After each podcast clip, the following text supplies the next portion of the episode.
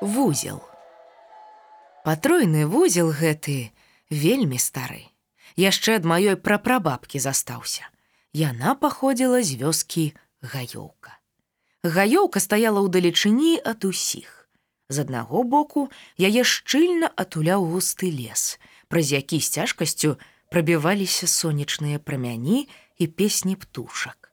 А з другога, падманлівыя балоты, з хітрасцю якіх не даў бы рады і найспрытнейшы круцель. Адшукаць яе было не прасцей, чым планету, што хавалася за Нептунам. Таму благое, як і добрае тут рэдка наведвалася. Добрае знясілена памірала па дарозе, а дрэнная стамлялася і вярталася назад. Пакуль даведаюцца, што жаўнеры ў новай форме, дык герб яшчэ колькі разоў зменіцца. Толькі зрэдку маладыя дурныя вятры заблытваліся ў старых дрэвах непадалёк. Неба ўвесь час патанала ва ўсмешках зорак, а чалавека баязныя звяры ў тых краях знаходзілі смеласць. Год таму поўз дзясятак гадоў старым вожыкам. Затое ўспаміны і ранейшы ўклад прабіваліся ва ўсе нават, самыя непрыкметныя расколінкі, дзе пускалі карані на многія пакаленні дзяцей. Але неяк усё ж дайшла вестка, што ў гаёўку спяшаецца цёмная хвароба, якую ніякімі сцежкамі не заблытаць.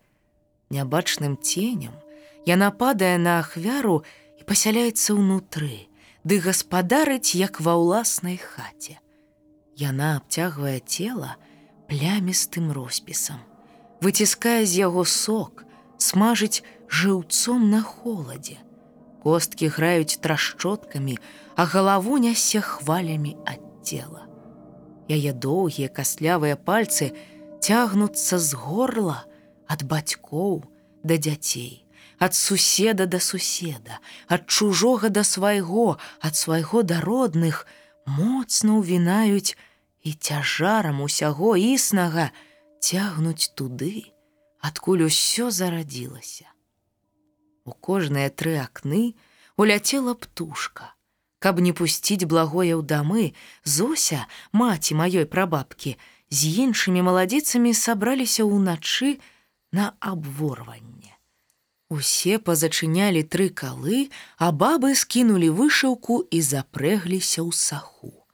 Доўгія валасы ўцякалі хвалямі, якія набягалі адна на адну. Голыя грудзі адлічвалі крокі. Безабаронныя пальцы ног адчайна драпалі зямлю.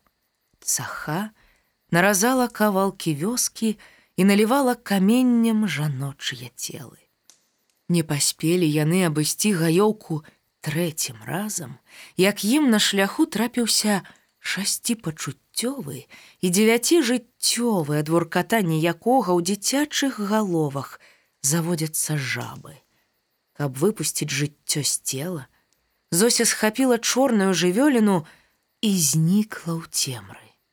Але не выпусціла. То быў ейны муж. Зося перакінула яго праз пяць ножоў, і той зноў ператварыўся ў чалавека.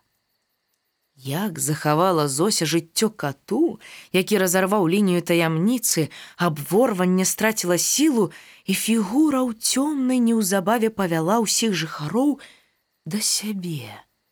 Спачатку яна грукала ў дзверы, потым у сэрца, а затым па новай хаце без вокнаў і дзвярэй. Усіх павяла яна ў вёску, дзе сонца не грэе. Усіх, акрамя маёй прапрабабкі, якой маці ў тую самую ноч завязала тры вузлы і загадала бегчы далёка-далёка з вёскі. Дзяўчынкай яна бегла ў адзіноце праз лес без звяроў, праз рэкі без рыбы, праз вёскі без жыхароў, праз дзень без сонейка. Спала яна і ў траве, і на дрэве, і на камені, А праз колькі дзясяткаў дзён трапіла ў вёску, дзе спынілася.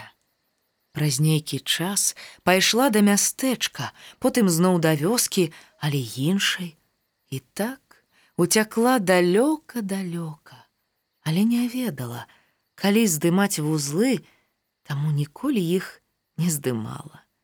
Нават калі ў лазню хадзіла, ці з мужам ляжала. Мастацкі падкаст па кнізе Кірыла Стаселькі пімкі.